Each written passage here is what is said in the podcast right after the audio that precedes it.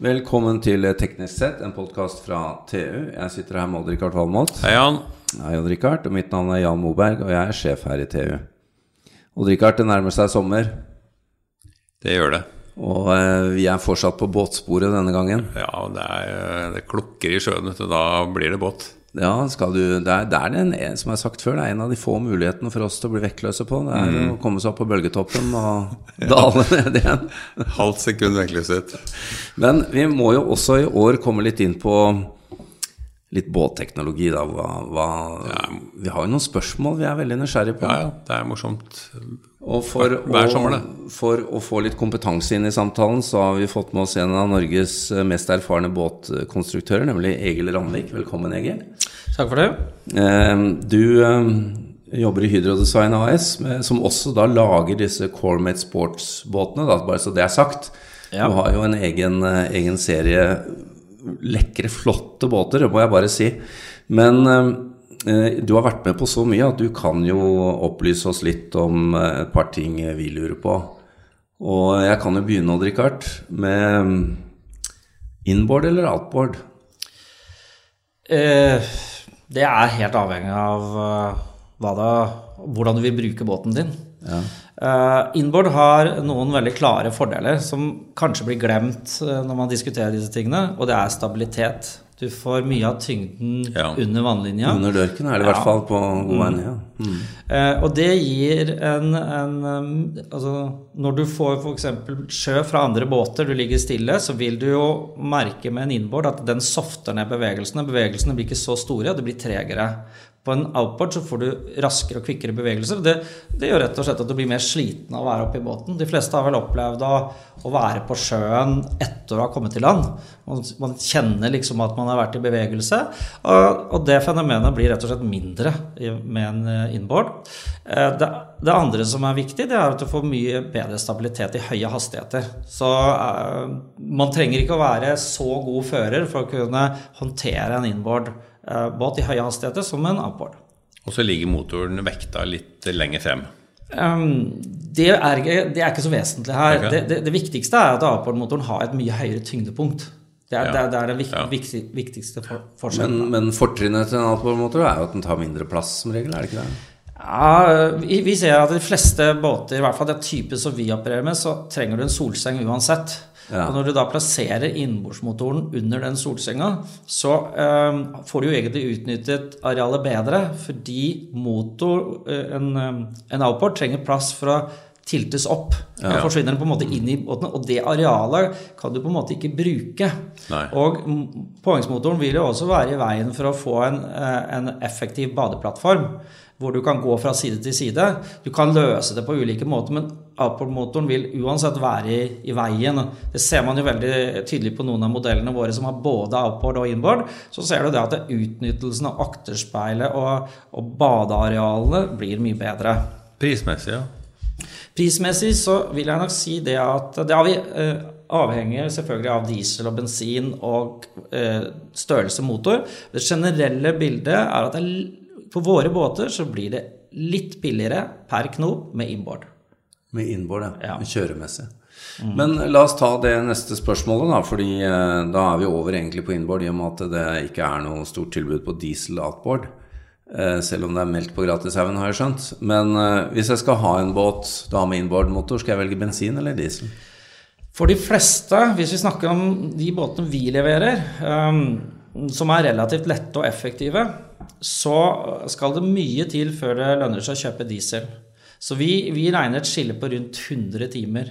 Under 100 timer så bør du egentlig ikke vurdere det. For totaløkonomisk så vil det ikke lønne seg. Nei, for en Nei. dieselmotor er mye dyrere. Den er mye dyrere i innkjøp. Innkjøp, Den har dyrere servicedeler, og det blir høyere forsikringspremie fordi båten blir fort 200 000 dyrere. Så du, så du får jo en del ekstra kostnader som du kan kjøre gratis for på en.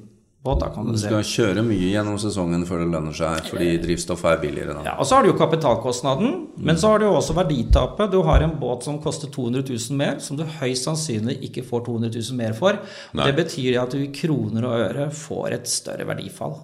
Så du må kjøre mye for å tjene inn alle disse ulempene, da. Så er det en annen ulempe, da, som, som i hvert fall jeg har erfart tidligere. Jeg hadde jo en dieselmotor hvor det vibrerer jo ganske mye.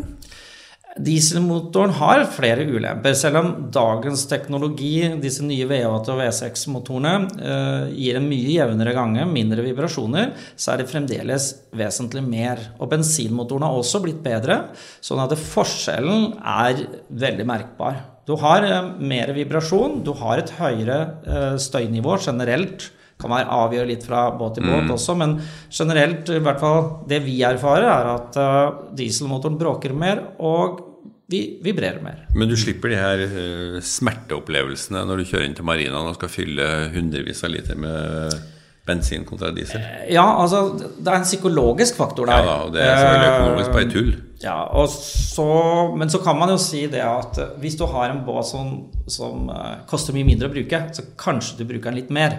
Og det kan jo være en, en positiv sak. Men hvis du bruker båten din uansett 50 timer i året, så vil det ikke lønne seg å kjøpe diesel. Så det, når du har eid den båten i fem år og selger den igjen, så har den båten totalt sett kostet deg mer når du tar summen av alle kostnadene, ja. inkludert verditappet. Vet du hva snittforbruk av en båt er per år? Sesong? Eh, ja. det er cirka Jeg har hørt noen tall fra Nordbåt en gang på 35 timer. Vi, ja. vi ser at det ofte er 50 timer på båtene våre. Ja. Fordi de er så veldig gode å kjøre? de er jo morsomme å kjøre, i hvert fall. Og de er uh, brukervennlige, mener vi. Mm. Mm. Jeg ligger langt bak. Du? Ja, jeg gjør det. altså. Det er, det er den dyreste, dyreste timen jeg har i året. Det er å kjøre båt? Definitivt. Det er ganske dyrt. Ja, men, uh, og, er, og bensinkostnadene er jo ingenting i forhold nei, til at Du må kjøre mer, Odd-Rikard. Ja, får gjøre det. Ja. Ja. Vi, vi, fortsetter litt med noen spørsmål, for det er ikke så ofte vi får uh, snakke med noen som har vært med på så mye som deg, Egil. Du har jo også konstruert racingbåter i mange år. Én ting jeg alltid har lurt på, er jo vannjet, som liksom det høres så riktig ut, som manøvreringsmessig, og ikke noe propell i vann og alt dette her. Hvorfor, hvorfor ser vi ikke mer vannjetbruk? Jeg har jo konstruert én vannjetbåt uh, som var helt fantastisk. X17? X17, ja, stemmer, stemmer det. Mm. Ja. Uh, jeg har aldri fått så mye skryt av kundene mine som av den båten. Og den var ekstremt morsom å kjøre. Den var ekstremt manøvreringsdyktig. Og du bare hvis du ikke så sjøgress i overflata, så kunne du jo kjøre med den. For den gikk kanskje bare 7-8 cm, i hvert fall i høy hastighet som, som, var under vann. Mm. Du, og hvis du skulle treffe noe, så sklir du antagelig bare rett over. Ja. Så, så det, det, gir jo en ekstrem sånn sikkerhetsfølelse. Og så får du også ekstrem akselerasjon. Fordi du ja, får maks turtall på motoren med, med en, en, gang. gang ja. Du trenger ikke å liksom jobbe deg opp i turtall. Så du har alle hestene dine fra første sekund, så å si. Og det gir en helt annen akselerasjon. Det er litt som elmotor i bil. Ja. Det kan ja, ja, dreiemoment fra første ja. Ja. Det, du kan godt sammenligne med det. Ja. Men eh, og manøvrerings Altså med Du snur jo på femøringen og stopper fort og Ja, du kan jo rett og slett kjøre i 50 knop i én retning, og noen sekunder etterpå så kjører du 50 knop motsatt retning. Så kjappe er de jo på å vende, og de er også enkle å legge til. Du, du, det er nesten som du da har en bautrøster eller sånn joystick-båt, for å si det sånn. Du, du, kan legge til på en helt annen måte og mye mer effektivt enn en, enn en vanlig båt. Men nå må jo du avsløre da hvorfor Virkningsgraden er dårligere. Ja, virkningsgraden er en god del dårligere. Ja. Eh, du og, og, først og fremst i de hastighetene som du vanligvis kjører. For i, når du kommer opp i hastighet opp i 40 knop og sånn, så kan mange av disse vanlighetene være veldig effektive. Ja. Eh, men de er ikke det når du kjører sakte. Og du vil jo merke det at uh, mens du kanskje har 600 omdreininger, liksom sånn tomgangshastighet, så vil det fort være 1500-2000 omdreininger på en vanlighet, På en, vannjet. I hvert fall på de, de erfaringene vi har, da.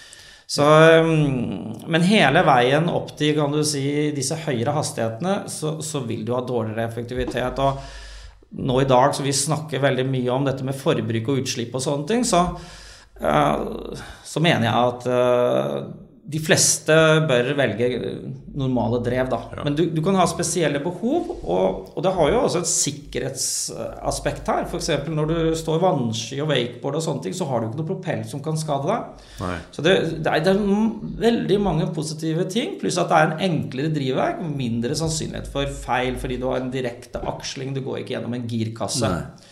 Så Den går jo bare forover. Ja. Altså i, i uh, jet. Ja, og, og, og, så har du ikke noe endring av uh, kan du si, kraftretningen heller. Nei. Så du taper jo heller ikke noe der, og, og du trenger ikke noe, noe hold opinion eller sånne ting for å, for å få til riktig uh, retning på kraften. da. Men jeg vil jo si at propellutgiftene går sannsynligvis ned. jeg jeg, Ja, jeg bytta noen propeller opp gjennom året. Eh, Det gjør det, men de, de slites. Uh, De gjør det. Òg. Ja. Altså du, du får sand og andre ting inn som til slutt gjør at eh, du bør skifte dem. da. Ja. Men ikke i samme grad, selvfølgelig. Nei. Eh, og de vil alltid liksom En propell kan jo bli fullstendig ødelagt, og ikke minst drevet, så du ikke engang kommer deg hjem. Her vil du jo alltid komme deg hjem uansett. Om du Bare dårligere sand inn i ytelse, Litt, ja. litt grann dårligere ytelse, i, i verste fall. Ja. Um, eh, dette er fascinerende, Odd-Rikard. Nå får vi svar på ting vi har lurt på. Ja. Vi har gått og snakka om i månedsvis. Definitivt. Nei, nå er det bare én ting jeg ønsker meg. Ja, hva er det? Nei, Det er vel eh, altså, enten en dieselpoengsmotor eller en elektrisk eh, kraft igjen. Før vi kommer til det spørsmålet, for det er superspennende. Eh, Vi må ta med det siste spørsmålet jeg hadde på blokka, nemlig eh, vanlig eller steppa skrog. Det er avhengig av hastighet, først og fremst, og bruksområde. Um, steppede konstruksjoner har helt klare fordeler. Men, eh, men det har normale konstruksjoner òg. Så det- det her er avhengig av hva du skal bruke det til. Men vitsen med å steppe et skrog er Først og fremst, eh, etter min mening, da, så er det for å få bedre stabilitet i høyere hastigheter. Eh, Og så vil du kunne kjøre fortere. Hvis du har riktig konstruert steppeskrog, så vil det eh, ha høyere effektivitet enn et normalt skrog. Ja. Da eh, får vi jo sjekke Du, du drar jo luft inn under skroget med, med stepp. For å være helt ærlig så er ikke det den viktigste grunnen til at du får økt effektivitet. Det som er viktigere, er at du kan låse angrepsvinkelen i en gunstigere vinkel. Det har vært i racing gjort uh, forsøk tidligere med luftsmøring, og i hvilken grad det hjelper. Ja. Og man endte opp med å bruke trykk, trykkluft, faktisk, for å få en, en, en Altså synlig innenfra, ja. effektøkning. Så Altså man- i, i, inni steppene. Ja, de, de, Ja. de hadde trykkluftbeholder. Og så, og så når de f.eks. skulle ut av svingene da, på sånne runde oh, ja. katamaraner, så, så førte de trykkluft inn i, inn i steppene, og dermed smørte skroget. Men eh, det er jo ikke noe som vi kan bruke på vanlige båter. Nei. Og jeg vet ikke, det, det ble jo borte, jeg vet ikke om det ble forbudt eller hva som skjedde med det, men det var noen som, hadde, som gjorde noen forsøk med det, da. Og Richard, før vi kommer inn på det jeg vet du virkelig har lyst til å snakke om, så må vi stille et siste spørsmål. Én eller to motorer? Én motor alt i alt er mye mer effektivt enn to. Men det er klart at eh, til slutt, hvis du skal ha mer hastighet, eller, så, så må du gå på flere motorer. Eh, men det vil være mye rimeligere å eie én motor, med tanke på at du har bare halve servicekostnaden stort sett. da. Og eh, du, du vil få ekstra motstand i det ekstra girhuset som tapper eh, båten for effekt. Eh, og du får også høyere vekt på båten, som også reduserer effektiviteten på båten. Så det, er, det er sikkerhetsaspektet med å ha to da, som kanskje er det viktigste for de som bruker det. Ja, altså du, du har et sikkerhetsaspekt i, i den grad du i hvert fall har doble bensintanker og doble elektrisk og doble doble fuel lines og sånne ting, så vil du ha en glede av det. Men hvis du f.eks. har felles bensintank, så er jo ofte problemet drivstofftanken, og da vil vi få veldig fort det samme problemet på begge motorene.